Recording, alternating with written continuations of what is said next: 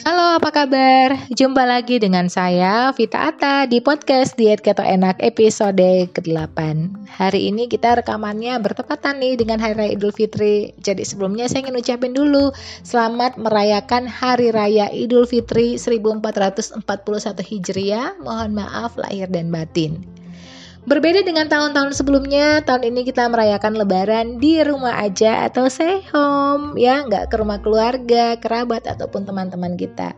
Tapi walaupun di rumah, makanan yang disajikan tetap ala lebaran dong, yang enak-enak berbeda dengan hari-hari biasa gitu ya.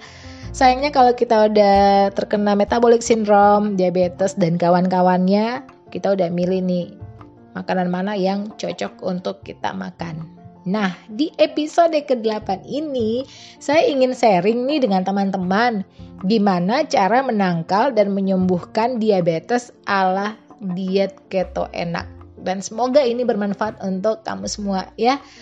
Oke, tapi sebelumnya kita uh, pahami dulu apa sih itu diabetes. Diabetes adalah kondisi di mana tingginya kandungan gula darah di aliran darah karena kinerja pankreas untuk menghasilkan insulin menurun atau tidak berproduksi lagi sehingga gula dalam darah tidak bisa dimanfaatkan sel untuk energi tubuh. Diabetes ada dua jenis ya, ada diabetes tipe 1 dan ada juga tipe 2. Diabetes tipe 1 disebabkan oleh malfungsi atau tidak bekerja organ pankreas untuk menghasilkan insulin.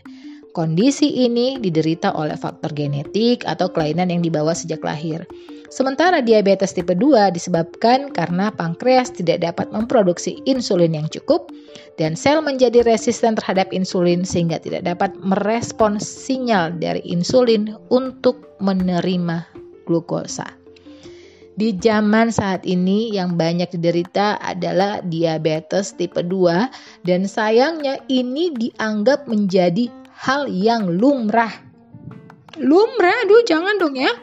Mari kita bahas tentang diabetes e, tipe 2 yang merujuk pada definisi terlihat bahwa tinggi gula menjadi penyebab kondisi adanya diabetes. Kenapa bisa terjadi adanya kondisi tinggi kadar gula dalam darah ya? Ini pasti pertanyaan banyak orang nih. Coba kita flashback dulu, kita ingat-ingat kembali menu keseharian kita. Makan tiga kali sehari plus ngemil di antara makan besar. Kontennya apa?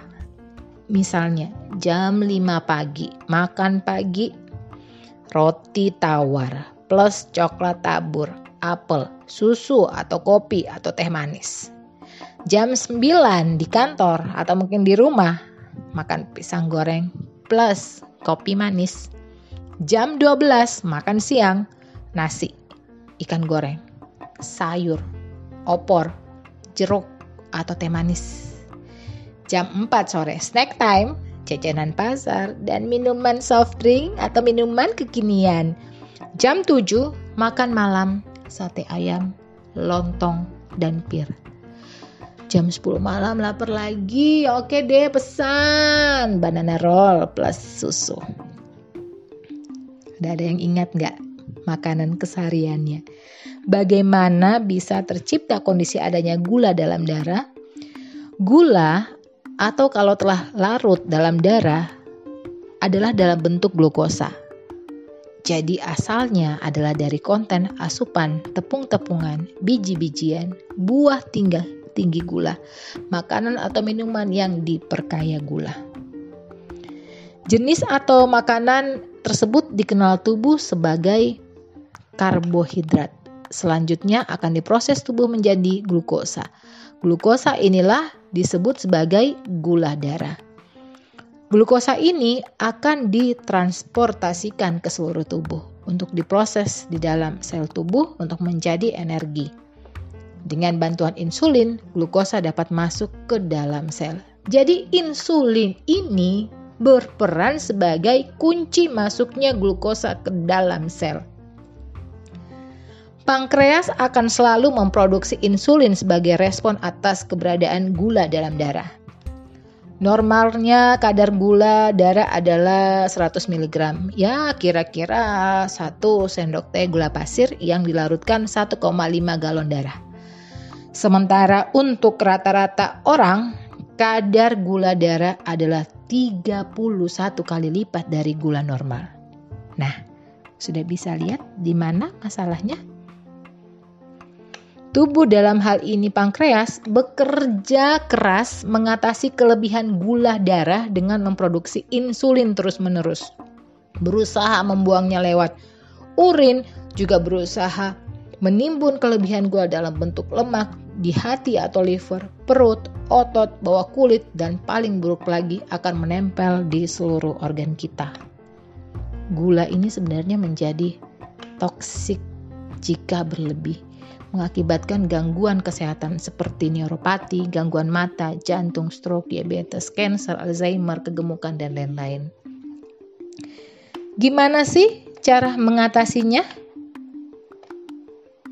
Saya pernah dengar seorang dokter mengatakan, jika metabolic syndrome-nya itu disebabkan karena pola makan, seharusnya diselesaikan juga dengan pola makan, bukan dengan obat. Sebenarnya sumber energi tubuh ada dua, ada glukosa dan keton. Glukosa dapat diproduksi dari karbohidrat dan asam amino atau protein. Sementara keton sumbernya itu dari lemak. Glukosa tanpa karbohidrat pun akan tetap dapat diproduksi tubuh. Itulah mengapa karbohidrat sendiri dikatakan sebagai nutrisi non-esensial. Lemak dan protein disebut nutrisi esensial. Sehingga tanpa karbohidrat pun tubuh kita akan tetap berfungsi normal. Sekarang, apakah kita sudah melihat benang merah potensi penyakit yang mungkin muncul dengan tingginya kelebihan gula di darah dengan karbohidrat? Solusinya adalah menekan sekecil mungkin konsumsi karbohidrat dan eliminasi konsumsi gula diet ketogenik ala diet keto enak yang merupakan diet yang menerapkan tinggi lemak, sedang protein dan rendah karbohidrat menjadi pilihan terbaik bagi kamu yang ingin mencegah ataupun menjadi solusi bagi kamu yang telah menderita diabetes dan penyakit turunannya. Kami di diet keto enak ya, ini menerapkan prinsip-prinsip diet ketogenik yang dalam koridornya itu aman dan sehat. Menjaga keseimbangan gizi ini sangat penting. Pemenuhan akan lemak, protein, rendah karbo, dan tambahan mikronutrien sangat dijaga agar tubuh tetap bekerja maksimal.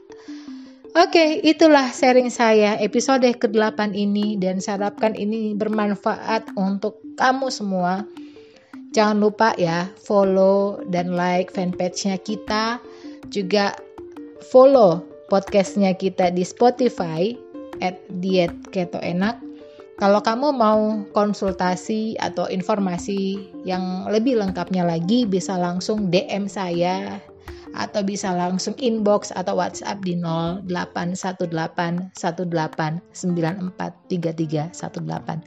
Sampai jumpa di episode berikutnya. Dadah.